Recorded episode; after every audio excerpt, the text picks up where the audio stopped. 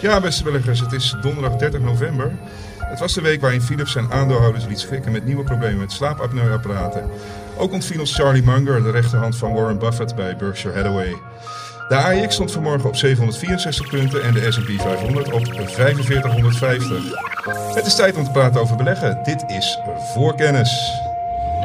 There are three ways to make a living in this business.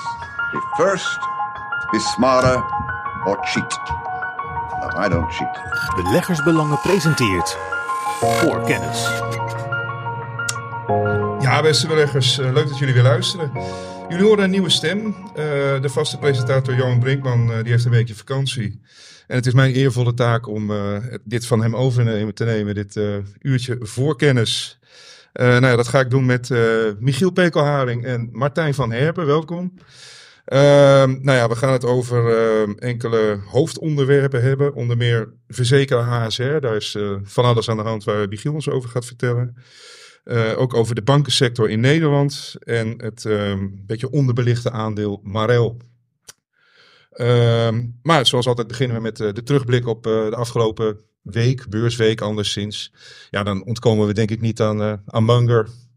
Ehm, eh, ja, het is een beetje raar om te vragen, waar waren jullie toen jullie het hoorden? Maar eh, Martijn? Oh, je, oh ik, ja, ik was nog aan wat aan het werk, s'avonds later in ieder geval. Nee, het was ook, was ook een beetje, Ja. was, was een beetje grapje. Maar eh, Ik- ik ja, wat, ik wel, betekent ja. hij voor, eh, voor jou als professionele belegger? Mm, eh, nou, hij is wel een soort van voorbeeld. eh, in de zin van hij heeft natuurlijk zijn wijsheden. Mhm. eh, onder andere geduld. En ik merk zelf vooral die wijsheden die hij heeft. ehm, ze klinken heel simpel, maar in de praktijk zijn ze moeilijk na te leven. Dat, vooral dat geduld en afwachten. Ik merk zelf als ik naar de beurs kijk, dan ja, moet ik meteen handelen. Eh, je ziet het zowel bij Buffett als bij Charlie Munger. Mhm. dat, ja, ja, dat geduld eh, vind ik wel heel knap. En ook de relaxedheid waaronder ze zijn. Nou is het wel handig eh, en relaxed als je een paar miljard onder je kont hebt. Ja.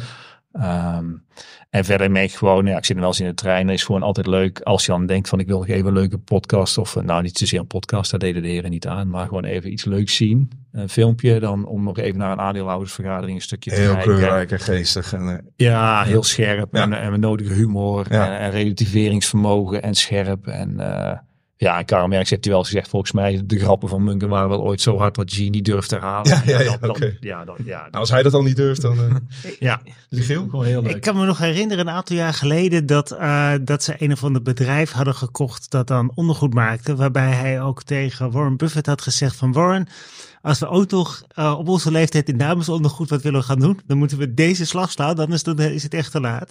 en de kracht vond ik ook eigenlijk wel dat ze, eh, dat ze met z'n tweeën waren. Ze hadden dezelfde filosofie, maar je merkt ook altijd als je belegt, als je met iemand anders erover gaat praten, helemaal als die net even er anders tegenaan kijkt, doe je eh, toch dingen niet die je anders wel gedaan had. Je wordt voor heel veel fouten behoed. Je denkt nog even echt door. Dus ik denk dat het voor Warren Buffett nu wel een stuk eenzamer Ja. en lastiger zal ja, worden. Ja, ja, ja. Dat, ja. eh, Nou, en, en ook volgens mij, Warren Buffett is bekend van, eh, ja, de quote is natuurlijk van koop eh, goede bedrijven tegen goede, goede waardering. Liever dan dat je een, een matig bedrijf tegen een goedkope waardering Ja. koopt.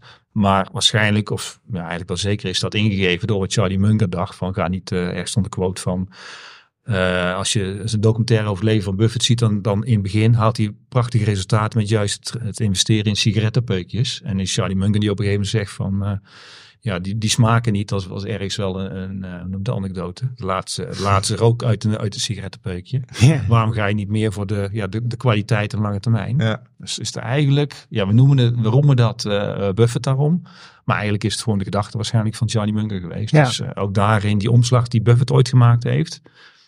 Denk toch voor een groot gedeelte ook eh, aan Charlie Munger te danken is. Een icoon die, Ja. eh, viel. Eh, ja, en dan was eh, het was echt de, niet echt de week van de hoogbejaarde Amerikaanse iconen, want Henry Kissinger is ook overleden. ja. Nou, natuurlijk oud-minister van Buitenlandse Zaken. Ja. Al is het maar omdat hij van Duitse afkomst is en nooit een eh, president had kunnen worden. Nee. Uh, hij had wel een behoorlijk harde lijn in sommige opzichten, maar waarin hij zich vooral onderscheidt, is een hele scherpe visie op ja, eigenlijk de, de, de politieke verhoudingen wereldwijd. Ik kan iedereen het boek World Order aanraden, dat in 2015 geschreven is en nog steeds zo actueel als ooit eigenlijk. Het is echt uh, heel knap hoe je op die leeftijd nog zo scherp kan, Ja. kan zijn. Ja, ja, ook een omstreden figuur natuurlijk. Uiterlijk, ja, dat wel. Ja. En mag ik nog iets Ja, ja, ja. aangeven wat, wat mij deze week is opgevallen? Ja. Ehm, er zijn weinig kwartaalcijfers, maar de cijfers die er waren, die trokken wel de aandacht. En dat was in dit geval de cijfers van CrowdStrike. CrowdStrike. Dat is een bedrijf op het gebied van eh, ja, IT-security, cybersecurity. Is prachtig, Groeiende sector natuurlijk. prachtige cijfers. Omzet 34% hoger naar 786 miljoen. Winst per aandeel zelfs 85% erbij. En ehm, voor het lo- lopende kwartaal waren de vooruitzichten ook goed. Dus die koers die schoot meteen met 10% omhoog. Mhm. En eh, het is misschien wel mooi om hierin even aan te haken op een artikel wat ik eerder dit jaar geschreven Ja. heb over deze, deze sector. En daarin heb ik CrowdStrike niet genoemd. Uh, wel enkele andere bedrijven. En je ziet gewoon heel erg het uiteenlopen van uh, ja, het lot van die ondernemingen. Ik heb onder meer geschreven ook over Palo Alto en Networks. Die hebben eigenlijk een beetje hetzelfde wat, wat CrowdStrike doet. Die hebben, zijn een soort van one-stop shop voor ja, eigenlijk alle soorten beveiliging van je dataservice, van de cloud, van de operationele activiteiten, zoals ja, de laptops, de mobiele telefoons en het verkeer. Daar zit alles bij elkaar. Ja. En dat segment heeft het uitstekend gedaan, want bedrijven willen dit soort, ja, willen dit risico eigenlijk afdekken. En als je dat bij één partij kan doen, dan Palo Alto ja, dat, dat is het. Met, de, een van ja. de topspelers. De koers is sinds ik het artikel geschreven heb ongeveer verdubbeld. Dus dat is geen verkeerde tip geweest. Um, ze zijn nu wel behoorlijk aan de prijs. Als je kijkt naar de vrije kaststroom. Want je, ja, de winst wordt wel vertekend door behoorlijke afschrijvingen. Maar ja, een vrije kaststroom van 3 miljard betaal je ongeveer 30 maal die vrije kaststroom. Ze zijn wel schuldenvrij. Maar het is nog, ik zou er nu geen koopadvies meer op durven plakken. Nee, nee. Okay. Uh, ander bedrijf wat ik ook getikt heb is Fortinet. En die hebben eigenlijk twee kwartalen terug heel matige cijfers gepubliceerd. Die staat ten eerste in het kielstof van Palo Alto. Maar dan merk je dat zo'n one-trick pony toch wat riskant wordt. En die zijn eigenlijk weer terug bij af qua koers. En dat geldt ook voor uh, Gen Digital, wat eigenlijk weer in een heel ander segment zit. Namelijk de uh, security voor, ja, voor, voor, voor, huishoudens. Daarmee moet je denken aan Norton, wat iedereen wel kent. Ja, ja, ja. Uh, Symantec. En die, die hebben eigenlijk een andere rit gehad. Die zijn eerst een hele heel eind omlaag gedoken. En die zijn nu na een mooie stijging ook weer terug bij af. Als ik naar die drie bedrijven kijk, zou ik zeggen van ik vind het lastig kiezen. Ik heb een cybersecurity ETF aangeraden. Uh, de Global X Cybersecurity ETF, ook wel bekend onder de ticker Bug. Dat zou nu wel mijn favoriete play zijn voor deze sector. Oké, okay, dat is jouw advies. Ja. Uh, Martijn, wat, wat, jij verder, uh, wat is jou verder opgevallen in het nieuws deze week? Um, paar dingetjes. Mm -hmm. um, de eerste is meer, ja, ik zit zelf een beetje in de hoek van de consumentenbesteding en dergelijke. De, de Black Friday. Um, ja, toch wel een beetje benieuwd van hoe dat uitpakte. Zeker de Verenigde Staten. Daar was toch uh, ja, totaal 8,5% omzet uh, hoger dan vorig jaar. Ja, wat je zou zeggen, zuinige consumenten. Maar dat viel dus eigenlijk mee. Is het ook niet een inflatie... Uh component die daarin zit? Je zou zomaar kunnen, weet ik niet precies. Maar in ieder geval, het totaal is wel omhoog. Dat zou zeker kunnen. Nou, ook met inflatie. En goed, als jij gewoon je geld cash in handje hebt, dan uh, ja. de rente is geen 8,5%. Dus de mensen kunnen op de een of andere manier kunnen ze het toch besteden. um, de vraag hoe ze besteden, ja, uh, is dat creditcard of is dat gewoon nog wat ze nog uh, van corona hadden opgespaard? Mm. Het valt in ieder geval mee. En een beetje in, in die lijn ook uh, wel het onderscheid tussen de online en de offline. De offline dacht ik dat een procentje erbij was. Nou ja, reken je inflatie mee, dan zou dat eigenlijk een kleine krimp zijn in totale omzet. Ja. De online, nou ja, rond even af 8% erbij. Um, de webshops en, hebben het goed gedaan. Ja, ja en, precies. En nou ja, je noemt de webshops. Uh, Amazon inmiddels ook weer de Ja. hoogste, hoogste koers in 52 weken. Ja. En dit jaar er ook alweer, even kijken, zo'n zo 70% bij. Nog niet de all-time high, maar um, ja, online doet het weer goed. Dus uh, Beter, ja, Cyber Monday is nog beter dan Black Friday. ja, die cijfers heb ik niet eens bekeken. Dus Ja. ja, ja. heb jij ze paraat? Ik heb ze niet paraat, maar ik moet altijd wel denken, weten jullie waarom het eigenlijk Black Friday heet? Uh, Dag na het, ja, het, ik weet, ja, de, de, Nee, Thanksgiving? Het was de dag na Thanksgiving, maar het ja. heet in de retailwereld Black Friday, omdat het voor veel bedrijven de dag is dat ze voor het jaar uit de rode cijfers Ja, komen en weer zwarte Oh, cijfers schrijven. Enorm omzet natuurlijk. Ja. Ja, ja, ja. ja. Dus dankzij die boost van de Black Friday komen veel bedrijven weer in het zwart terecht voor zo'n eh, zo'n jaar. ja. ja nee, Dat, wist ik niet. Weer wat geleerd. Ehm, Charlie Munger zou trots op je zijn. ja, blijven leren. Ja. Ja, dat zei je tegen, een keer tegen Buffett. Ehm, Elke avond iets wijzer in je bed stappen dan dat je eruit bent gekomen en dan is het een goede dag geweest. Ja, en een keer tegen uh, anderen van, ehm, denk er nog eens een keer over na. Ik heb gelijk en je hebt het slim, dus, uh, Ja. je, dus, dus je zult je mening wel eens zien. Zoiets. Nou, Kunnen we het mee doen, Michiel? Dat, ja, eh, ja. Nou goed. Even, even eentje die ik nog, ook nog uit wil lichten. Ehm eh, Shein, zo schrijf ik het. Chinese, ja, eh, noem het trash kleding. Zo mag ik het misschien niet noemen. Goedkope, Eh, goedkope kleding is het gewoon. Ja, ja, het is een, in ieder geval eh, wil naar de, mogelijk naar de beurs. Heeft een, Trash. een, een aanvraag gedaan. Ja, het, ja nou, het, het is wel trash. Eh Chinees bedrijf. eh, even kijken, schatte, geschatte mogelijke waardewaardering van 90 miljard dollar. Ja. Ehm, schijnt het aangevraagd te hebben. Ehm, nou, alvast even vooruitblikken. Je noemt het trash. Wat, wat doet het? Eh, heel veel ehm, kleding, hele snelle kleding maken. Of snelle kleding. eh, inspelen op trends. Eh, en snel kleding maken. en, en verkopen. Goedkope kleding dus, geen merkkleding. Kwaliteit is ook matig. En nou, de, één, het bericht was er, maar ik denk ook van, oh, de vraag zal misschien ook wel een keer luisteraars of van, van abonnees zijn van, moeten we daar een keertje instappen als het naar de beurs komt? Ehm, als dat al gebeurt. Ik, ik zat wel even te kijken van, ehm, er zijn niet alleen maar positieve nieuws. Ik heb hier ook één berichtje van een, lawsuit in de Verenigde Staten. Is dat volgens mij van, nou, begin deze maand. Ehm, en dat is meteen ook de reden waarom ik er vanaf zou, zou blijven. Kijk, het is een, eh, een aanklacht, het is nog niet eh, gegrond verklaard, maar ehm, er staat ergens ook, noemen ze van, goh, in een aanklacht, dat het, dat eh Shein een grotere bedreiging is nog dan TikTok bijvoorbeeld voor eh, data security, privacy Ja. en alles wat daarmee te maken heeft. Want ze, ja, je zit toch vaak op online media. Dus ehm, nou ja, je geeft gegevens weg en vervolgens is het ook nog zo zeggen ze van, nou ja, er is een heleboel ehm milieuschade.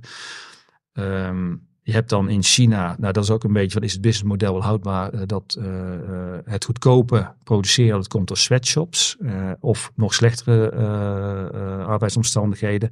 In sweatshops, dat is eigenlijk gewoon mensen, nou, misschien herkenbaar, moeten hele lange dagen maken, krijgen heel weinig loon en dus de omstandigheden Ja, gewoon slecht. uitbuiting. Ja. Ja, dat is uitbuit. Ja, dat is prima. Ehm, dus nou ja, dan moet je ook over afvragen, wil je daarin beleggen en is dat duurzaam voor de lange termijn? Het Want klinkt eh, alsof je er met een eh, grote boog omheen loopt eigenlijk. ja, ja, dan heb je ook nog aanklachten van eh, eh, belastingontwijking. Nou ja, en nog eh, diefstal van intellectueel eigendom. Eh, van, van, ja, Ja. van ontwerpers. Dus nou ja, ik, eh, het komt mogelijk naar de beurs. Beste mensen. Wegblijven. Ja, Wegblijven bij de kleding en wegblijven bij de Ja, hotel. ja, ja, ja, precies. Ja, ja, het lijkt misschien het beste, beste advies. En één dingetje nog, en dan, mogen, dan gaan we waarschijnlijk de inhoud in. eh Ja, ik- Mag ik- ja, ja ik, heb, ik heb nog eventjes de, de cacaoprijs. Ik ben verder, de grondstoffen zijn voor Karel, eh, maar dit jaar eh 80% erbij. Dus nou ja, we gaan ook richting de kerst nog. En Sinterklaas wil misschien ook nog wat chocoladeletters kopen. Als je denkt van waarom zijn die dingen zo duur? Nou ja, dan, dan weten we dat meteen. Eh, die, die prijs volgens mij de afgelopen vijf jaar heeft verder niet heel veel gedaan. Maar in één keer komt er heel veel eh, toch bij. En dat heeft gewoon te maken met slechte oosten vanwege Hmm. regenval. eh ga naar Ivoorkust. Dat is gewoon echt concentratie waar de cacao-productie zit. Ja. Ivoorkust 60% gaan naar 30% van de Ja. wereldwijde cacao-productie. En het laat zich ook lastig. Het is een goedje wat zich lastig ergens anders laat verbouwen. Ja. Ze proberen het ook wel in Latijns-Amerika, maar ehm, ja, je krijgt het moeilijk van grond. Het nadeel is wel weer dat die boeren vaak niet zulke goede omstandigheden hebben. Maar als je kijkt naar iets, een luxegoed waar eigenlijk steeds meer ehm, mensen voor gaan. Sterker nog, in China heb je zelfs speciale chocoladepretparken inmiddels.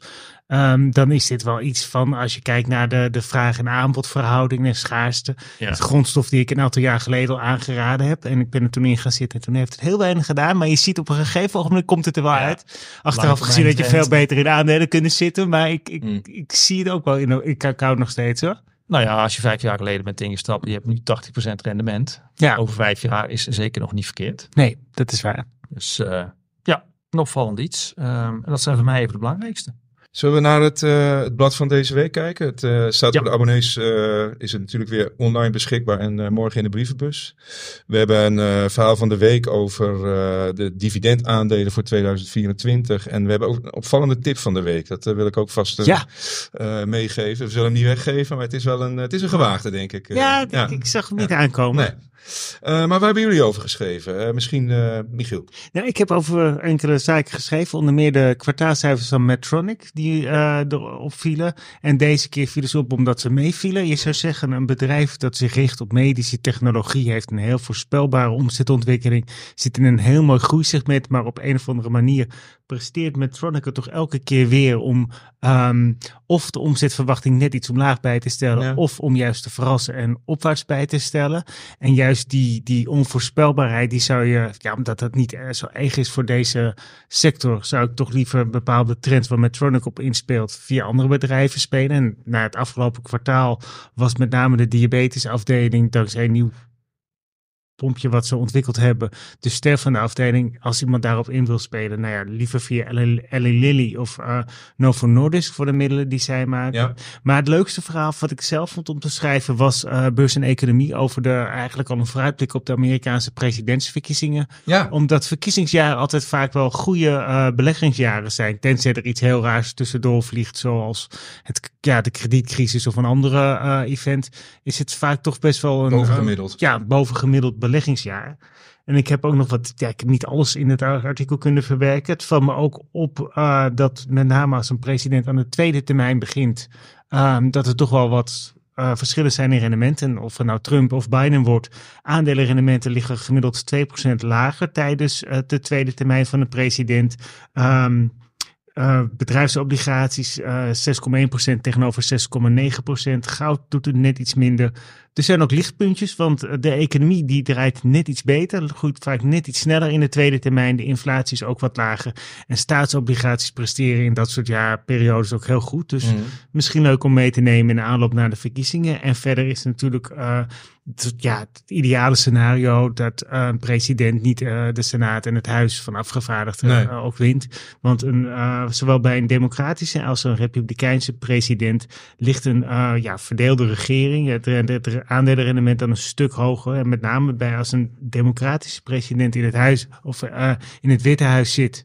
En eh Senaat of het Huis van Afgevaardigden eh, republikeins is, dan kan je een rendement historisch gezien verwachten van 18,8 procent. En, en klopt nou eigenlijk de, een beetje de volkswijsheid dat een republikeinse president goed voor Wall Street is en een democraat eh, minder? Of Nee, nee, dat- nee. de gemiddeld, gemiddeld Nee. wat ik, ehm, ik heb eh verwijs hierbij naar een onderzoek wat Scheuders heeft gedaan, eh, samen met, ja, op basis van gegevens van Robert Schieder, dat is ook wel een van de gevestigde namen. En dan zie je dat de Repu- republikeinse presidenten net iets hoger liggen eh, dan eh, eh, de democratische, pre- eh, Zelfs net iets over. net iets hoger Ja, dan ja, ja. republikeinen. Oké. Nou ja, dat, eh, dat wordt- het wordt allemaal spannend natuurlijk volgend jaar.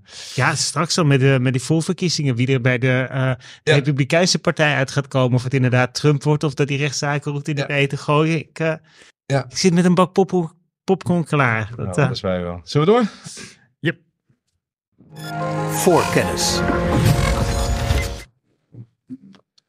Eh, ja, want we gaan naar eh, ASR. De verzekeraar houdt vandaag een eh, beleggersdag. Dat loopt denk ik nog. Eh, en eh, die kwam deze week ook nog met eh, belangrijk nieuws naar buiten over de Woekerpolis-affaire die het bedrijf eh parten speelt.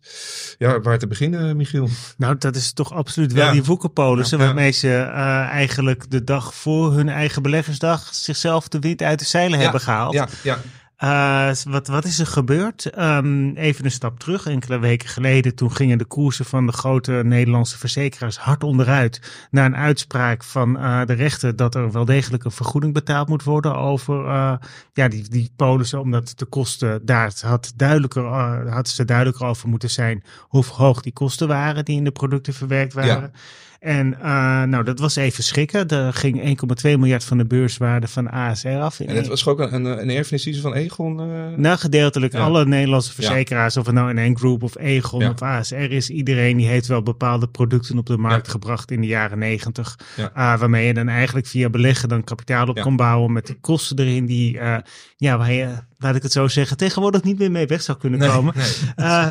En ehm, nou ja, dat, uiteindelijk hebben ze een schikking getroffen nu. Want nou ja, iedereen die, die ging al uit van miljarden eigenlijk. En het Mhm. is 250 miljoen geworden.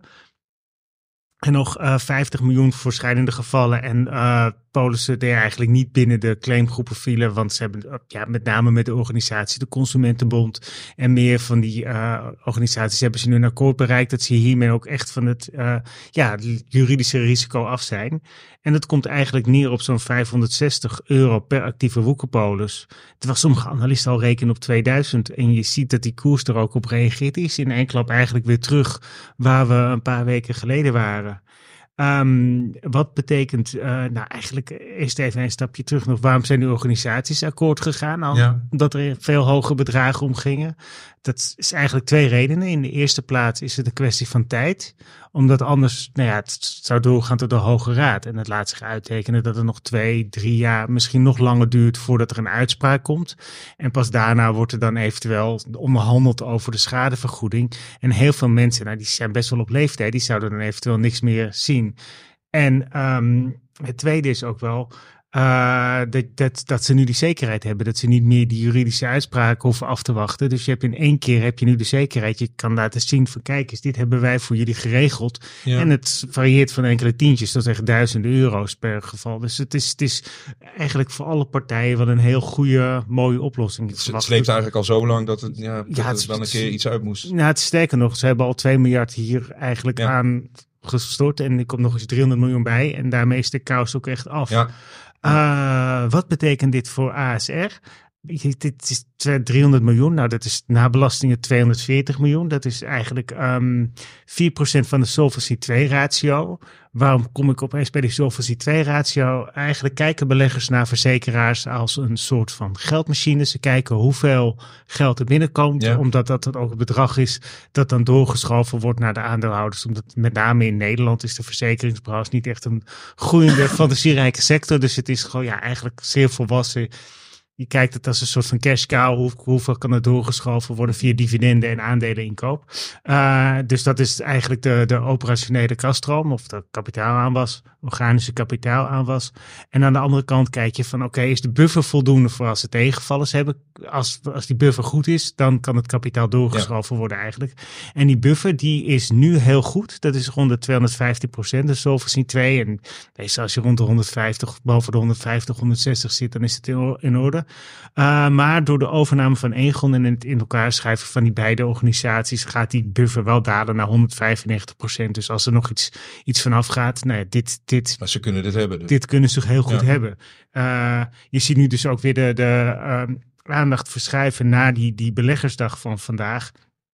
En in zekere zin is dat, ik, ik heb een aantal dingen doorgenomen, uh, non-events. Het belangrijkste is dat ze de verwachtingen voor de, ja, de, de kostenvoordelen iets hebben opgehoogd. Van 185 naar 215 miljoen, dat is 30 miljoen erbij. Nou heeft ehm, ASR het beleid eigenlijk om altijd heel voorzichtig in te zetten. Want het is eigenlijk nooit zo dat zij op bepaalde uitspraken terug moeten komen. Het is 9 van de 10 keer zo dat zij dan boven die eigen verwachting zitten. En daarmee kweek je een soort van... Uh, ja, verwachtingspatroon ook weer bij beleggers. Van dat zij zeggen van, oh, we kunnen dat. Nou, dan weet je dus al dat die kosten ruimschoots gehaald gaan worden. En eigenlijk, uh, de, veel analisten hadden al gerekend of veel meer dan 30 miljoen. Ik had dus ook wel gedacht dat het nog iets meer zou kunnen zijn. Het zou me niks verbazen als het op termijn ook zo is. Maar eigenlijk, ik denk eigenlijk zonder die claim uh, overeenkomst dat die koers vandaag nog ja, een beetje had zitten kwakkelen.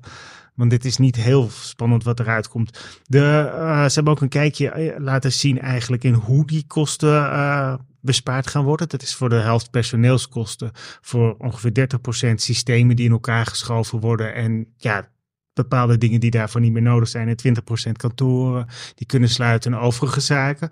En dat gaat al vrij snel. In drie jaar verwachten ze al die kosten eruit te hebben. En dat is 35% in het eerste jaar. Volgend jaar 35% 2025 en de rest dan in 2026. En zo krijg je een beeld eigenlijk dat de organische kapitaalcreatie van nou, 653 miljoen vorig jaar op kan lopen tot nou ja, het dubbele 1,3 miljard in uh, 2025.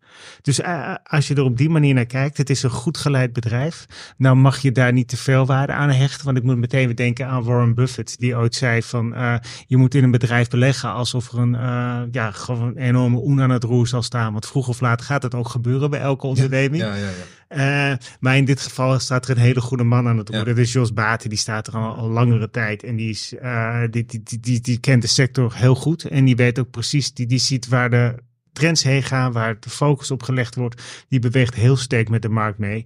Um, ze hebben een prima track record ook qua uh, overname. Ze hebben de afgelopen jaren meer dan 10 bedrijven overgenomen. Volgens mij sinds 2015, ik zit zo te kijken, iets van 14, 15 ondernemingen, varieert van Loyalis tot, tot uh, de bepaalde activiteiten van Brand New Day tot nou, nu Egon dus ze hebben prima ervaringen ook om dat binnen de organisatie in te passen. Dus ik verwacht eigenlijk wel dat je, dat je met een aandeel als ASR een, eigenlijk een vrij dividendzekerheidje hebt voor een 8% rendement per jaar. Als je kijkt naar de organische kapitaalcreatie, uh, hun marktposities. Ze zeggen zelf ook, wij zijn een middelgrote uh, vis in een vrij grote verzekeringsvijver. Nou, inmiddels zijn ze wel een grote vis in die vijver geworden. En als je ze afzet tegen branchegenoten vanuit uh, beleggersperspectief? Dan hebben zij het voordeel dat zij um, minder legacy overnames hebben. En een groep die heeft in het verleden veel meer grote overnames gedaan. Denk aan Deltaloid. Ja. Uh, en die, die hebben nog altijd veel meer ja, eigenlijk uh, systemen die naast elkaar staan. Ze zijn ook in veel meer landen actief. Dus de focus van de ASR is net even wat scherper. En dat vertaalt zich naar een wat lager risico. Mm. Want als je in heel veel landen actief bent, dan is het ook wel lastig om dat uh, ja, eigenlijk allemaal scherp te houden. Uh, Egon is eigenlijk een heel ander bedrijf geworden sinds de verkoop van de Nederlandse tak. Dat is gewoon een Amerikaanse levensverzekeraar. Eigenlijk vooral ook pensioenverzekeraar geworden. En dat is ja. meer uh, bijna, bijna een groeiverhaal aan het worden als je ziet wat ze daar aan het doen zijn. Die richten zich heel slim op het middensegment omdat het, ja, dat is een vrij grote doelgroep die eigenlijk wel voldoende geld heeft om uh, wat opzij te zetten voor de oude dag, maar vaak niet weet hoe ze dat moeten doen. En Egon investeert heel ja, heel sterk in het uitbouwen van een netwerk van adviseurs om zoveel mogelijk mensen te bereiken om dit soort producten aan te bieden. Hm. Dus het is een, eigenlijk een heel ander soort groeiverhaal dan, dan ja. ASR. Ja. En ASR, ik weet niet, ja, het, het maakt dit jaar dat ik ook eigenlijk ook zo'n losstand op het bedrijf stak en uh, toen ook in de podcast heb gezegd dat ik de aandelen zou kopen, wat ik vervolgens ook gedaan heb. En op een dag als vandaag ben ik na wat onzekere tijden toch wel heel blij dat ik dat, uh, ja. dat, dat zo gelopen is. Ja, euforie. Ja. Nou, niet alleen dat, maar je ziet ook gewoon dat die, uh, de dividend is houdbaar. Dat kan gestaag doorgroeien. Ze, uh, de, de, de, zijn bepaalde risicofactoren. Kijk bijvoorbeeld naar die voorjaars- en de najaarstormen in de schadetak. Maar die vangen ze ook telkens heel goed op. Die combined ratio, die blijft laag. De combined ratio zit de verhouding tussen de, aan de ene kant de premieinkomsten en het bedrag wat aan schadeuitkeringen wordt uh, ja. uitbetaald. Dus ze hebben gewoon, het zit operationeel heel goed in elkaar. Oké, okay. dus er vallen van die beleggersdag verder geen uh, verrassingen wat dat betreft? Nee, ik vond het, uh, ik, ik, ik, vond het wat dat betreft, ze hebben een beetje inzicht geboden in waar ze heen gaan en hoe ze dat gaan doen. Maar de, de bedragen die ermee gepaard gaan, daar, uh, ja, tenzij er op dit moment, want het is, ze, ze, begonnen, ja, volgens mij was hij iets over vier in Nederlandse tijd afgelopen, moeten er wat opvallende vragen van de analisten gekomen zijn. Ja. Maar volgens mij is er geen, geen duveltje uit een doosje. Oké. Okay. Ik, ik, ken, ik heb kort, uh, kort ja, een tijdje bij, uh, bij ASR gewerkt, maar ik ken ik wel wat Michiel zegt. Het is gewoon uh, ja, een fijn bedrijf en, uh, en zeker Jos Baat ook. Um, nou, laat ik zo zeggen wat ik ervan meegemaakt heb. je hebt topmannen die een soort van narcistisch of zo zijn. Gewoon een hele vriendelijke, toegankelijke man ook. Absoluut, die zich schaamde voor die salarisverhoging die het bestuur hem toekende. Dat hij ook had ja. van ja, dit is ongepast in deze tijd. Het is, ja, dus dat is gewoon, ja. Hij ziet waar de markt heen gaat. Ik, ja. ja als werknemer ook was ik daar alleen, eigenlijk alleen maar uh, heel blij mee. Maar ja, goed, ik kwam een vacature bij beleggers. Ja, ja. keuzes, keuzes. Ja, daar ja. zijn wij dan weer blij mee. Ja. Tot zover, Haze. Voor kennis. Dan gaan we naar een uh, aandeel waar we niet uh, vaak over schrijven in beleggersbelangen. Uh, Marel. er was deze week wel aanleiding voor. maar voordat we daarop komen, Martijn, het is ja, toch een vrij onderbelicht bedrijf. Misschien kun je eerst kort vertellen wat zij eigenlijk doen, wat het uh, voor, uh, voor firma is. Ja, even een notendop. Dus ze zitten in de food processing. En wat je denk het beste voor kunt stellen. ehm nou, je hebt eigenlijk, ik zal, eh, ze zitten vooral in de verwerking van eh, vlees. ehm, ook iets minder vis. En vervolgens ook nog wat, ik zal zeggen, meer de vegetarische proteïne eh, componenten. En dan moet je eigenlijk bij voorstellen, bijvoorbeeld bij kip. eh, er gaat een, eh, nou ja, eh, een kale kip gaat in de machine en komt er uiteindelijk, eh, nou noem maar even 100 meter verder, eh, eh, eh, door lopende banden en bewerkingsstappen, komt hij er met een labeltje in een plastic verpakking, komt hij eruit een streepjescode. Ehm, Echt, die, die, dat hele proces doen zij. Ja, echt vanaf nul naar het invoeren. Wat, nou, kijk even een keer op, eh, als je, erin, als je het interessant vindt, op de site van eh Marel hebben ze ook een filmpje. En dan zie je gewoon ja, een fabriekshal vol waar die lopende transportbanden in staan. Eh, medewerkers voeren dan bijvoorbeeld nog wel de kip in. Dus nou ja, het is, voor de tere zielen, voor eh, dierenleed is dit misschien net even iets minder ehm mooi. Ja, maar ja, gewoon ja, qua ja. techniek. Kijk vooral even naar de techniek en wat ze leveren. Ehm, ja, is dit gewoon een heel mooi, eh, mooi bedrijf, veel kennis. Ehm, en je hebt daarin eh, enerzijds dat Marel plaatst die installaties. En het tweede stuk is dat er ook een stukje ja, IT-software, onderhoud eh, bij komt. Ook om, ja, ik zei van, ehm, aan het einde komt er iets met streepscode uit. Maar Marel weet ook gewoon van, in die software, we hebben dit, in, in die badge is dat opgehaald in het verleden. daar komt het vandaan. Mhm. Ze kunnen echt gewoon van zoals wij spreken van boerderij tot aan in de supermarkt weten zij gewoon door de hele keten ook eh, desnoods de, de, ehm, eh, De kip te traceren. ja, ja, precies. Dat, dat is ook wat inmiddels ook weer steeds belangrijker wordt. Absoluut, ja. Je wil gewoon bij alles en nog wat wil je weten waar het vandaan komt. Al is maar Ja. voor de hele duurzame verslaglegging die erachter schuil gaat. Dus het is wel heel sterk. Ja, ja, en ook bijvoorbeeld stel dat er een keer, eh, een keer toch iets mis is met een product, dan wil je ook terugkijken in je keten. Waar kan nou een, bijvoorbeeld een smetting vandaan komen? Ja. Dus, dus in die zin is het eigenlijk een heel mooi bedrijf. Eh, Daar was er nieuws over deze week. Ja, ja het rommelt een beetje. Nou, waardoor ik het eh, interessant vind, even, eh, het is ook, het is eh, nou, een jaar of vijf geleden naar de beurs gekomen. En Mhm. toen was eigenlijk een soort van belofte van, nou, 12% omzetgroei per jaar. Het is een IJslands bedrijf, daar was het al beursgenoteerd, ehm, maar wilde een grotere, weet eh, naamsbekendheid en is daarom ook hier aan een Amsterdamse beurs ge- genoteerd.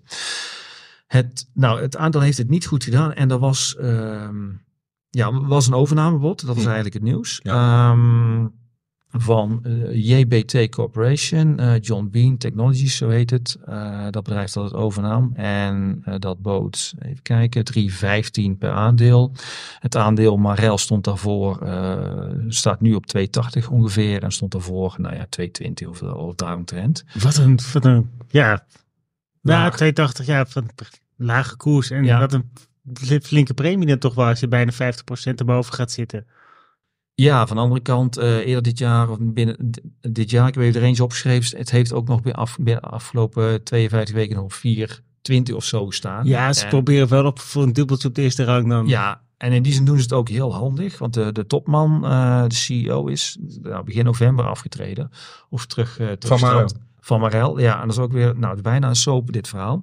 Ik wou eer, oorspronkelijk wou ik eh, in de podcast wat breder trekken. Maar ik focus op toch even op Marel en dadelijk ook Nee, een beetje op uh, Bean eh. Technologies. Ja. Even kijken, want wat is het geval? Eh, nou, één, dat bod komt. Eh, vervolgens hebben we de grootste aandeelhouder is eh Eirier. Ik hoop dat ik het zo goed uitspreek. is IJslands. Eirier Invest. En die hebben ook voor 24,7% van de aandelen Marel. En die hebben ook meteen laten weten, dat was afgelopen, eh, ik afgelopen weekend, rond afgelopen weekend speelde dat, dat ze ook dan eventueel mochten tot een daadwerkelijk bod komen. Dat is wel even goed om te noemen. Het is een, eh, een vrij moet zeggen, een, niet bindende aanbieding. Dus ze kunnen er nog vanaf, dat John Bean Technologies. Ehm, zij hebben dus eh Erir Invest laten weten van, nou komt het tot een bod, dan ehm, eh, melden wij de stukken aan. En de grootste persoon binnen dat Erir Invest is de voormalige eh, CEO, die met zijn investeringsvehikel.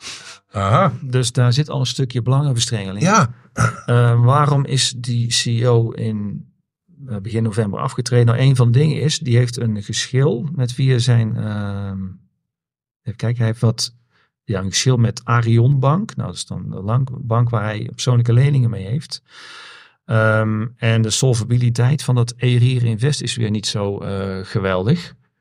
Dus even kijken, hij. Uh, de, de, de bank heeft daarom al een stukje van de aandelen van dat Erier Invest ehm, eh, geclaimd. Dus nou, de 5% van, zijn, van de, de aandelen is daarin al verloren. Richting, dat, eh, richting die Arionbank.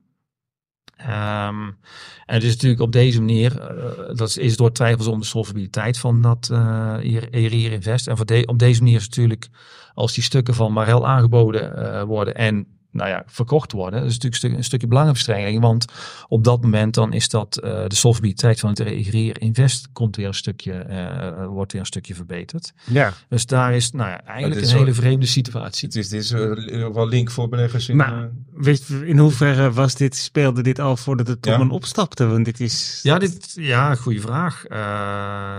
het is niet heel... dat heb, zo heb ik het niet. Ik weet, ik heb deze gegevens gevonden. Um, ja, geen idee. Goeie vraag. Maar dat er een duidelijk geval van belangenverstrengeling is, dat is in ieder geval wel duidelijk. Um, en nou, dat doet ook even een heel stukje verder al. De, want nou, het bod is niet geaccepteerd, even door het bestuur. Nou, vervolgens dat is meteen afgewezen? Ja, uh, het bod kwam vrijdag en afgelopen maandag was het al meteen afgewezen. Ja. Uh, goed, dinsdag was weer een dagje later, was woensdag kwam alweer de volgende aandeelhouder met een uh, brief. En nou ja, die zegt eigenlijk van nou, we staan er wel achter dat je het afwijst. En dat heet Teleios Capital Partners. Ik hoop dat ik ook dat weer goed uitspreek. Die hebben slechts 3,3% van uh, de aandelen Marel uh, in, in, handen. Um, zij vonden wel terecht dat het, het, bod is afgewezen, maar vervolgens toch wel heel veel zorgen. En ja, die roepen eigenlijk meteen op van, goh jongens, uh, die aandelenkoers, die heeft het heel slecht gedaan.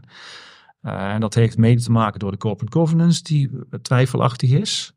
Even voor de luisteraars ook, nou ik noem het net al, het was eigenlijk toen Marel naar de beurs kwam, was de verwachting van nou 12% per jaar omzetgroei. Nou hebben ze in die periode zijn ze wel grofweg van 1 miljard euro naar 1,7 miljard euro uh, gegroeid. Dus ja. dat is eigenlijk wel goed qua omzet. Maar de beurskoers is uit mijn hoofd steeg die van 4 naar 6. En is de afgelopen tijd is afgestort naar ja, bijna, bijna 2,0. Inmiddels staat hij alweer wat hoger met het overnaambod. Dus dat is eigenlijk gewoon heel, ja, hele slecht. Wat is de reden voor die onder, ja, ondermaatse performance? Ja, er zijn een paar dingetjes. Uh, kosten zijn uh, de, de kostencontrole. Uh, niet onder controle of niet goed ja. genoeg. Uh, balans is zwak. Uh, ik noemde het al, ik wil daar op dat JBT Corporation inzoomen. Die zie je gewoon, die hebben sterke balans en hebben ruimte voor overnames. bij Marel is dat niet. Je ziet ook dat ze links rechts toch ook weer iedere keer wat aandelen moeten uitgeven. Ja, ja. Um, en wat ook nog is, corona heeft niet meegespeeld. En dat is natuurlijk ook van, de, van degene die de bedrijven die, uh, nou ja, bijvoorbeeld de kippen, maar ook uh, bijvoorbeeld koeien verwerken in slachterijen. Uh, ja. ja.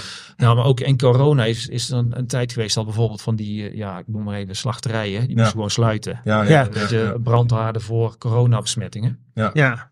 Hoe zit het met de vogelgriep? Sorry, ik zal hierna even stoppen met vragen stellen, maar nee, is dat ook een factor? Ja, is ook, nou, ik weet de vogelgriep weet ik niet. Ik zag ergens wel een, een volgens mij was de varkens, varkenspest. Ja, is ja, ook ja. weer ergens. Ja. Nou, er zijn altijd ook weer ziektes. Um, ik had eigenlijk verwacht dat Marel daar meer immuun voor zou zijn. Want jij installeert wat, je moet de software onderhouden. Uh, wat onderhoud aan, aan, de, nou ja, aan de machines en banden. Ja. Uh, ja, maar eigenlijk, ze doen het gewoon. één, bepaalde dingen zitten tegen. Maar twee, ze doen het ook gewoon niet goed. Gewoon operationeel zwak, als ik het allemaal zo... Uh... Ja. Ja. Ja. Nou ja, en dan snap je dus ook wel dat zo'n John Bean Technologies denkt van, oh, ik wil het mogelijk wel Dat kunnen wij beter. Wat, Kom maar is, door. Uh, wat is John Bean eigenlijk voor bedrijf? Ja, even kijken. Kijk, even snel of ik iets vergeten ben bij Telios. Nou, laten we even uitgaan dat dat wel... Uh...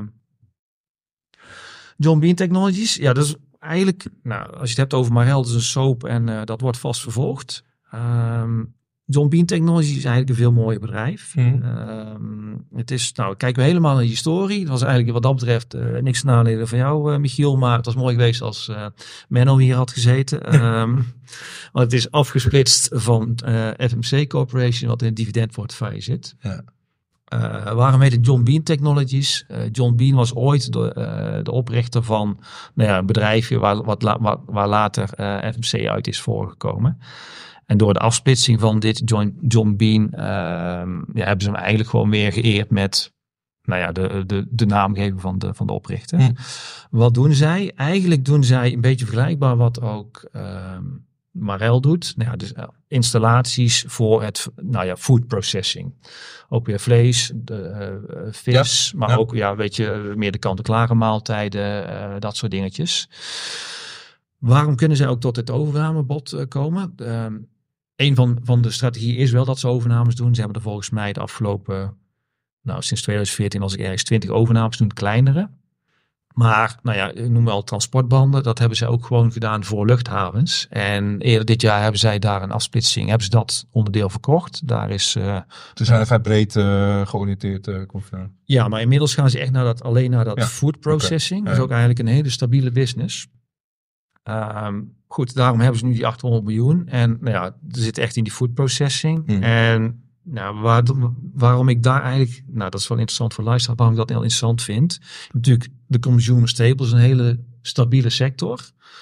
Um, en daarbinnen zijn zij een soort van in de keten de toeleveranciers voor nou ja, de, de supermarkt, de, de, um, ja, de, de, bedrijven die het aan de consument verkopen. Cateraars. Cateraars, ja. precies. Dus eigenlijk zou je zeggen van, goh, dit is eigenlijk, nou ja, een beetje zelfs met de goudzoekers, weet je. Ja, de schepjes en emmertjes. Ja, en nou ja, en dit ook, dit zie je eigenlijk, kijk, het staartje erbij zoeken. Nou ja, je ziet eigenlijk dat die omzet ook gewoon al jaren op een rij gestaag uh, stijgt. Um, ze hebben zelf ook een stukje beschreven. Even kijken. Nou ja, ook waarom uh, dit, dit een mooi bedrijf is. Ze, hebben, ze noemen het zelf de macro drivers. En voor de toekomst ook, nou ja, bijvoorbeeld is ja. wel een dingetje. Nou, wat doe je dan? Ga je automatiseren. Dat is niks zo mooi als je zegt van ik, ik slacht de kip met een mes. Of ik stop hem in een machine en nou ja, dat, dat stukje. Even heel plat gezegd. Um, ook voor de proteïneconsumptie. Nou, ik heb ooit al eens een keer geleerd van de proteïneconsumptie wereldwijd, zeker op een stijgende middelklas uh, uh, wereldwijd, die blijft gewoon stijgen. Schatten zijn 40% groei. En een hele interessante vond ik wel, ook voor de, in de categorie van voorverpakte maaltijden. We hebben hier staan, minder dan 18 minuten is uh, de gemiddelde tijd die een consument besteedt aan het bereiden van zijn avondeten. Juist. Nou ja, dus koken. Ja. ja. Nou, ik herken het van mezelf ook wel. Ja, ik ook hoor. Ik, ik, ik kook wel, maar ja, ik twijfel wel ooit van ga ik nu de boontjes zelf, zelf ja. puntjes eraf doen. Ja, en denk ja, van, ja. ja, het kost. Prettig dat bedrijven dat voor je doen. Ja, ja en in 50 cent, uh, nou ja, kijk, reken ik nu loon om, dat, voor die 50 cent of een euro kan ik het zelf niet doen. Dus het zijn allemaal trends eigenlijk die spelen waar, uh, ja, waar zo'n John Bean Technologies gewoon ook uh, ja, haar voordeel mee kan doen. Um, ja, ik heb eigenlijk al gezegd van continu stijgende trends. Ze hebben het afgelopen jaren ook gewoon heel mooi gedaan. Ook tijdens corona, waar je zag dat uh, Marel bijvoorbeeld viel terug, vooral in winstgevendheid. Dus de winst per aandeel is gewoon stabiel gebleven. Nou, ik noem net de dividendportefeuille. Menno zal niet blij zijn, want het dividend is al heel stabiel en het is maar ja, een half procent of minder. Maar, uh, en, en ja, en dat is wel even als luisteraar als je denkt van nou, ik, dit moet ik kopen. Nou, kijk nog wel even naar de waardering. Koers-winstverhouding van 25. Dat is dan wel weer Hoe aan de prijs. Ja, maar ik kan me voorstellen dat die operationele marge wel een stuk mooier, stabieler is. Hoe is het, uh, ja, wat je ook zegt, ze zijn veel beter gefinancierd. Ja. Hebben ze een netto kaspositie of hebben ze veel schulden nog? Nou ja, ze hebben in ieder geval, ja, ze hebben een miljard ter beschikking voor overnames. Ja. En ze hebben natuurlijk net dat stukje afgesplitst van die uh, lopende banden van luchthavens. luchthavens. Dus daarom ook. Ze, ze waarderen uh, met dat overnamebod, waarderen ze maar op 750 miljoen grofweg. Ja. Voor die 3,15 euro per aandeel. Dus ja, ze hebben net 800 miljoen uh, geïnd. En ze hebben eigenlijk, ja, ze, ze hebben eigenlijk altijd wel geld om overnames te doen. Dus ja. het is eigenlijk gewoon ja, de, ik heb ook nog even gekeken naar die story. Gewoon een heel mooi bedrijf. Uh, sinds dat zij uh, in 2008 zijn afgesplitst van FMC. Bijvoorbeeld, de koers is maal uh, 6,5 gegaan. Een beetje op jaarbasis 30% per jaar aan rendement gehaald, geannualiseerd. En dat is nog exclusief dat hele kleine beetje dividend. Dus ja, weet je, ik wou een heel breed artikel of een heel stukje, een heel breed stukje doen voor de podcast, maar ik was eigenlijk in John Bean Technologies aan het duiken. Denk, wat zo te horen, ja, gaat ja. John Bean uh, voor beleggersbelangen blijven volgen en dan kunnen we. Ja, en dan als je dan een keer tipt, ja, ik, ik, ik zal er zelf ook nog iets meer in duiken. Ja. Misschien is het zelfs nu al koopwaardig, want ik kan me ja, denken ja. voor de komende okay. tijd dat, nou, met ja. kaspositie ah, doet een overname, je winst per aandeel gaat snel omhoog, maar. We zetten hem op de kaart, een interessante sector ook. En, uh, ja. zeker. En, en vooral ook stabiel en voorspelbaar, denk ik. Duiken in het aandeel, niet in de machines. Ja, Klopt. En, en, ja, en we zitten wel, oh ja, mooi omzet. En dan nemen ze Marel nog, Marel nog over. Ik zou bijna zeggen, jongens, eh, blijf van Marel af. Want dat is toch een beetje even een overname die 20% van je... Tegelijkertijd, als je merkt wat voor operationele verbeteringen je daardoor kan voeren. Als je er wel een goed lopend bedrijf van haalt, maakt met een normale marge, dan Ja, eens. Ik, ik denk hier vooral ook aan de cultuur en eh, Ja. eh, financieel zeg ik ja. Cultureel, nou ja, we hebben het net over HSR gehad en wat daar aan de top zit. En ja, wil je dan een bedrijf binnenhalen waar het op de een of andere manier niet zo goed is Nee. gegaan? Ja. Dat vind, vind ik lastig. Oké. Dus, eh, maar goed, nee, maar, maar John Bean Technologies, we noemen de naam nog een keer. eh, gaan we meer van. zeker, zeker in de gaten houden. Oké. En met koersdips, eh heel interessant en voorspelbaar. Dat was hem, door. Ja, eh, de, nog de meer rest, eh, de eh, rest als ik nog dingen vergeten ben, doen we het wel een keer een artikel bij bedenken. Ja, ja, kijk, Dus, zeker. eh, en als hij dipt, dan eh, komt hij bij de tip. Hij staat op de kaart. Yes. Voorkennis. Eh, ja, dan gaan we met Michiel weer terug naar de eh, financiële hoek. Want jij wilt het graag hebben over de, de bankensector. Ja, absoluut. Er is net bekend geworden dat de Nederlandse overheid het belang in ABN AMRO verder af wil bouwen. Ze hebben nog 49,5%, dat moet naar 40%. En eh, ik zat eigenlijk te denken aan de vraag van moeten beleggers dit voorbeeld volgen? Ja, ja. In zekere zin hebben ze dat al gedaan. Want als je kijkt eh, naar ABN AMRO, en dat vind ik het altijd wel leuk om ING daarnaast te pakken, omdat die twee bedrijven toch vaak in één adem genoemd worden. Eh, sinds eind februari is ING met 3% gedaald en ABN AMRO met 26%. Dus je noemt ze wel in één adem. Toch zijn er wel echt behoorlijke verschillen. ja En-. Ja. de reden waarom ING al langere tijd eh, ja, hoog advies heeft aan ABN AMRO, ben ik stiekem wel blij om. Ehm, Mm. De verschillen, het eerste is gewoon een kwestie van vraag en aanbod. Als je kijkt naar ABN AMRO, waar de Nederlandse overheid aandelen eigenlijk op de markt brengt. ehm, ING is het eigenlijk precies andersom. Die hebben bij de derde kwartaalcijfers aangekondigd dat ze voor 2,5 miljard aan eigen aandelen gaan inkopen. Eh, als ik kijk naar volgend jaar, dan zou dat opnieuw kunnen. Sterker nog, sommige analisten houden er rekening mee dat ze zelfs 4 tot 6 miljard aan eigen aandelen in kunnen kopen. Dat zijn flinke bedragen. Als je kijkt naar de beurswaarde van ING, dat is 46 miljard. Dus dan haal je ongeveer 10% van je eigen aandelen uit de markt. ABN AMRO doet dat nog niet. De verwachting is wel dat ze dat begin volgend jaar gaan doen. Het uitblijven van een aandeleninkoopprogramma was ook wel een van de redenen waarom eh, de kwartaalcijfers van ABN zo slecht ontvangen werden na het derde kwartaal. Ze hebben er wel de ruimte voor. Dan kom ik weer terug bij de kapitaalbuffer. Bij de bank is dat de Z1, Z1 ratio. Die is 15,0 bij ABN AMRO. Als je kijkt wat is er nodig, 12, 12,5 is vaak wel, ja, wordt, wordt als degelijk gezien. Dus ze hebben wel een paar miljard liggen. Ja. Eh, ING is het trouwens wat meer. Dat is 15,6.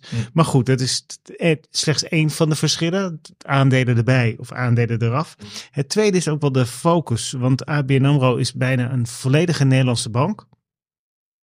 En ING, als je kijkt naar bijvoorbeeld de leningenportefeuille, is die voor 60% opgebouwd uit buitenlandse eh, leningen. Daarbij moet je vooral denken aan België en Duitsland, maar ook andere Europese landen, eh, het VK.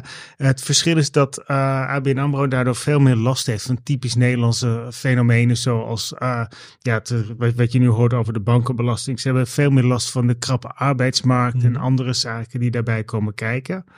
Ehm, niet heel doorslaggevend, maar het speelt wel mee.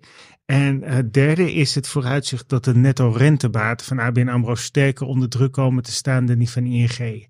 Uh, netto rentebaten, waarom is dat belangrijk? Nou, bij de grootbanken zijn de, uh, is het eigenlijk het verschil tussen het geld dat je uitleent uh, en het geld dat, je, uh, dat jou wordt toevertrouwd, die rente daartussen, is heel bepalend voor de winst. Dan moet je denken dat de 80, 90 procent van de winst komt gewoon uit dat soort renteverschillen. Mm -hmm. um, wat is er nou bij ABN AMRO aan de hand? Uh, bij de kwartaalcijfers bleek dat de gemiddelde looptijd van de replicatieportefeuille uh, vier jaar is. De replicatieportefeuille, nou, ze hebben, als het aan de ene kant hebben ze spaargeld en aan de andere kant Oh, pas op. Dus daar hebben ze een uh, portefeuille daar tegenover staan van uitgeleend geld. Um, en ze hadden eerder aangegeven dat die looptijd drie jaar was. Dus de looptijd is wat langer dan het zich liet aanzien. Veel lange leningen betekent ook dat zij minder kunnen profiteren van de uh, renteverandering op de korte, uh, aan de korte kant. Die we eigenlijk afgelopen jaar bij de ECB hebben gezien. Mm. Dus het laat zich eigenlijk nu al uittekenen dat die, die netto renteinkomsten volgend jaar toch best wel onder druk komen te staan. Mm. En in 2025 ook wat minder snel gaan herstellen. En dat is echt een van de redenen waarom het aandeel best wel uit de, uit de gratie is geraakt, ook bij, uh, bij beleggers. Um, en er zaten ook wat meer tegenvallers in de, in de kwartaalcijfers van ABN AMRO.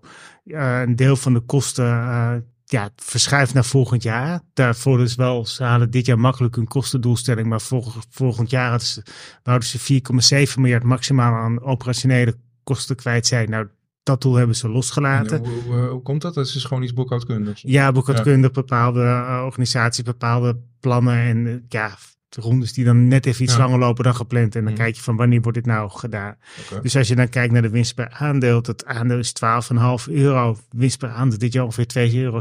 Dan denk je van jemig, wat een koopje.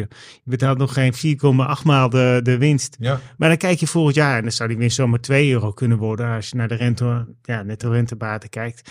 En wat ook meespeelt is dat ze eigenlijk heel... Uh, ja, de, de Nederlandse economie draait prima. En ze hebben in coronajaren hebben ze best wat uh, ja, geld opzij gezet. Ja. En je ziet dat nu die stroppenpotten, er vallen allemaal bedragen vrij. Normaal is het zo dat je als bank wel elk kwartaal even wat geld opzij moet zetten voor slechte leningen. En hier bij ABN AMRO komt dus gewoon, te, ja, er wat uit. Dus als je dan kijkt naar die 2 euro voor volgend jaar, die ik met potlood zo een beetje opschrijf, dan zou de kans dat dat een lager wordt of aanzienlijk lager is groter dan dat het toch nog even wat meer wordt. Okay. Dus je hebt een heel ander risicoprofiel. Ze zijn nog steeds altijd heel uh, aantrekkelijk gewaardeerd.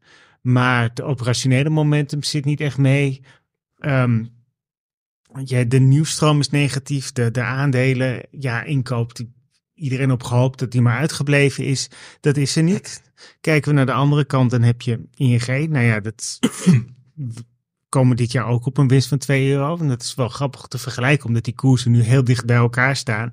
Maar het grote verschil is dat je dat bedrag waarschijnlijk ook wel de komende ja. jaren een beetje zo kan, kan vasthouden. Uh, ja, net als de, de verzekeraars. Ik ben wat dat betreft niet echt gezegend met uh, een heel sprankelende sector als de financials die ik volg. Want nou ja, dit is een volwassen markt en ze groeien ook namelijk. Ja.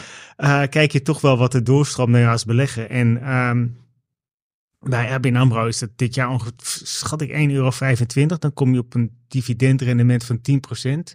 Dat is heel mooi, maar de grote vraag is in hoeverre is dat houdbaar de komende jaren? En dan heb ik toch liever uh, zo'n 8% bij ING met het vooruitzicht dat dat op peil blijft of doorgroeit dan bij ABN AMRO. En ik snap de Nederlandse overheid dan ook wel dat ze hun positie in deze bank aan het afbouwen zijn. Maar om uh, terug te komen op je openingsvraag, uh, moet de belegger dat ook doen? Op dit niveau zou ik zeggen, er zit inmiddels zoveel negatief nieuws. Ja. De, de, de, uh, wat, je, wat je vaak ziet, de waardering is nooit een trigger voor een bepaalde koersbeweging. Een aandeel kan nog zo goedkoop zijn, maar het kan morgen nog een stuk goedkoper zijn. Um, maar ik denk wel dat, dat naarmate die jaarcijfers dichterbij komen, naarmate het moment dichterbij komt waarbij ABN AMRO ook gaat zeggen van oké, okay, we gaan ons kapitaal hiervoor gebruiken. Wij gaan wat meer eigen aandelen inkopen. We gaan een iets riante dividendbeleid insteken. We geven iets meer inzicht in uh, wat dat onze daadwerkelijke kostenstructuur wordt. Mm. We laten zien wat, uh, ja, wat, wat na 2024, want beleggers kijken altijd vooruit wat dan onze netto rentemarge kan worden. We laten zien hoe, uh, ja, we, de winst eruit ziet bij een normaal, uh, ja, eigenlijk stroppenniveau. In plaats van dat je nu dat ideale wereld hebt waar steeds meer uh, geld wat je opzij gezet hebt, dat je niet af hoeft te schrijven, maar dat het juist weer vrij valt. Dat het dat per saldo verwacht ik dat die negatieve nieuwstroom in de loop van de komende maanden wel om gaat slaan hoor. En dat je dan toch wel een ander aandeel hebt. Ik zou niet zeggen kopen. ING is het wel kopen, vooral op basis van het dividendrendement. Ja. Maar binnen de sector zou ik dan eigenlijk nog veel liever van Landschot Kempen hebben. Die niet die rugwind in dit jaar hebben van de netto rentebaten. Maar die eigenlijk een veel stabielere, voorspelbare inkomstenstroom hebben uit commissies en andere vormen van dienstverlening. Dat is, uh, ja, dat ja, is dan. investeringsbank. Af, ja, ja. Oké. Okay. Meer voorspelbaar. Van Landschot Kempen, die, uh, die wint ja, het voor jou. en bij, bij de grote jongens liever ING dan ABN AMRO voorlopig. Nou ja, helder. Vraag me nog, heb jij, stel de staat uh, verkoopt aandelen, is dan ABN AMRO ook meteen overnameprooi? Vraag ik me... Nou, niet per se, want het is natuurlijk wel zo dat je als overnemende partij heel erg ook kijkt naar uh, groeikansen. Je wil niet uh, als speler in de volwassen markt ook nog in een andere volwassen markt zitten. En met, zeker met, met Nederland. Nederland is niet echt een fijn land om in te zitten qua toezicht. En uh, uh, ja, gewoon ja. Andere, andere zaken, groeipotentieel. Het is gewoon een heel volwassen markt. Ehm, dus ik denk, uiteindelijk, ja, je, mogelijk over een paar jaar dat we er anders naar kijken. Maar ook het totale gebrek aan consolidatieactiviteit in de banksector. Iedereen is met zichzelf bezig. Iedereen kijkt naar zichzelf. En dat is niet alleen in Europa zo. Dat is ook in de Verenigde Staten zo. Daar zijn onlangs weer nieuwe. eh, ja, heeft, heeft een internationale organisatie ook de bepaald wat de kapitaaleisen voor de grote spelers zijn. En iedereen is daar gewoon heel erg met zichzelf bezig. Het is niet een sector waar heel veel gebeurt. Het is een heel defensieve, ja, toch wat, wat afwachtende, angstige sector, als ik het zo mag, mag verwoorden. Zeker ook als je kijkt wat er eerder dit jaar is gebeurd met Silicon Valley Group, eh, Silicon Valley Bank en met eh, Credit Suisse. Dan, dan, dan is het niet een sector waarvan de topmannen zeggen: Kom, we gaan op avontuur. We gaan eens even kijken wat er, wat er mogelijk is met een mooie overname. Dus ik, er zit ook nul overname fantasie in die, in die koers. En ik denk ook niet, als ik zo vooruit kijk, dat het snel zal veranderen. Nee. Oké, Duidelijk. Ja. dankjewel. voor kennis. Ja, want we zijn er weer toe aan de vooruitblik op eh, de week die, eh, die komen gaat. Eh, nou ja, misschien, eh, Martijn, mag ik jou eh, eerst het eh, woord geven waar je naar uitkijkt. Ja, uit, uitkijken is een beetje vreemd woorden. Ja. Ehm, de, de- nou, vooral, ik heb één, één bedrijf, Remy Cointreau, van de, van de drankjes. Eh, sterke drank trouwens, die kwam vanochtend met cijfers, maar ik had een podcast voor te bereiden. Dus ehm, nee, ik- daar moet ik even induiken. Oké. Eh koers year to date 28% ervan af. Stonden vanochtend toen ik keek 5% plus. Ik weet niet wat het, wat het nu doet. Ehm, ik ben wel, ben wel benieuwd. En, Wat, eh, wat is eh, je visie op dat aandeel eh, voor deze cijfers? Eh, geen idee. Ah, Nou, Oké. Het is meer even, de hele sector heeft het gewoon slecht gedaan. Je hebt ook een Diageo, heb ik een stukje beurs in beeld gedaan. Ehm, volgens mij weet het Campari heet, heet, heet zo'n Italiaans iets wat het ook gewoon slecht heeft gedaan. De, eh, de indruk is een beetje dat consumenten denken van, eh, nou ja, al die premium merken nu even niet. Mhm. Het is een beetje discretionaire eh consumentenuitgaves. Dat mensen daar gewoon wat voorzichtiger in zijn. Ehm, Is die vergelijkingsbasis met de coronaperiode waarschijnlijk ook gewoon... of is dat, is dat weet iets wat nu niet. wat langzamerhand zou kunnen dat mensen iets meer thuis gedronken hebben. Van de andere ja. kant, eh, ja, drinken ze ook op een terrasje, drinken ze ook cocktails. Dus Ja. eh, dat durf ik niet te zeggen. Er zit Hmm. ook wel wat eh, kosteninflatie in. eh, Dus de kosten Ja. wat omhoog zijn. Is het ja. ook een lifestyle verandering? Dat mensen bewuster zijn gaan leven Ja, en daarop minder... Nou, wat ik daarvan gezien heb, dan heb ik niet over Remy Cointreau. Daar zou ik in moeten duiken. Maar ik heb wel bijvoorbeeld bepaalde whiskies wat gekeken. Dan zeggen ze wel, ja, die, die zien eigenlijk vooral gewoon een, een stabiele cons. ja, maar ik denk dat dat ook een ander, ander segment is dan de Eens. mensen die zich richten op de meer hippe, jonge cocktail. Ja. Ja, ik weet wel, vroeger toen ik nog jong was, eh, was het de Passoa, eh, Passoa Jus en dat soort dingetjes lang geleden. Eh, ja, die zie je nu niet meer. Nee. Dus eh, ja, nee, weet ik niet. Weet ik te weinig. Moet ik me echt in verdiepen. Dus eh, ik ga wel voor, uh, kijk wel vooruit voor het volgende blad. Ga ik wel een artikel, artikel schrijven over meerdere, dan Ja. even drankproducenten. Ja, ja. Ehm, en dan zou ik je meer kunnen vertellen, Michiel. Ja. Maar eh, Spannend. ja, kunnen de lezers lezen. Oké. En verder, eh, nou, het is meer overuitdenkend. eh moet ik gaan nadenken over de tips voor 2024. Ja, Dus, oké. Dat is ook een spannende. Ja, daar zijn we natuurlijk heel benieuwd naar. Ja, ja. Michiel, wat, eh, wat staat jou te wachten deze week? Twee dingen. Eh eerste is eh, toch even wat cijfers. Er zijn heel weinig cijfers. Een bedrijf dat wel met cijfers komt, dat is Stoll Brothers. Ja. Ehm, dat is een Amerikaanse huizenbouwer. Die koers is dit jaar met 60% opgelopen. Dus je zou denken, nou, dat worden prachtige cijfers. Als ik heb gekeken naar de verwachtings...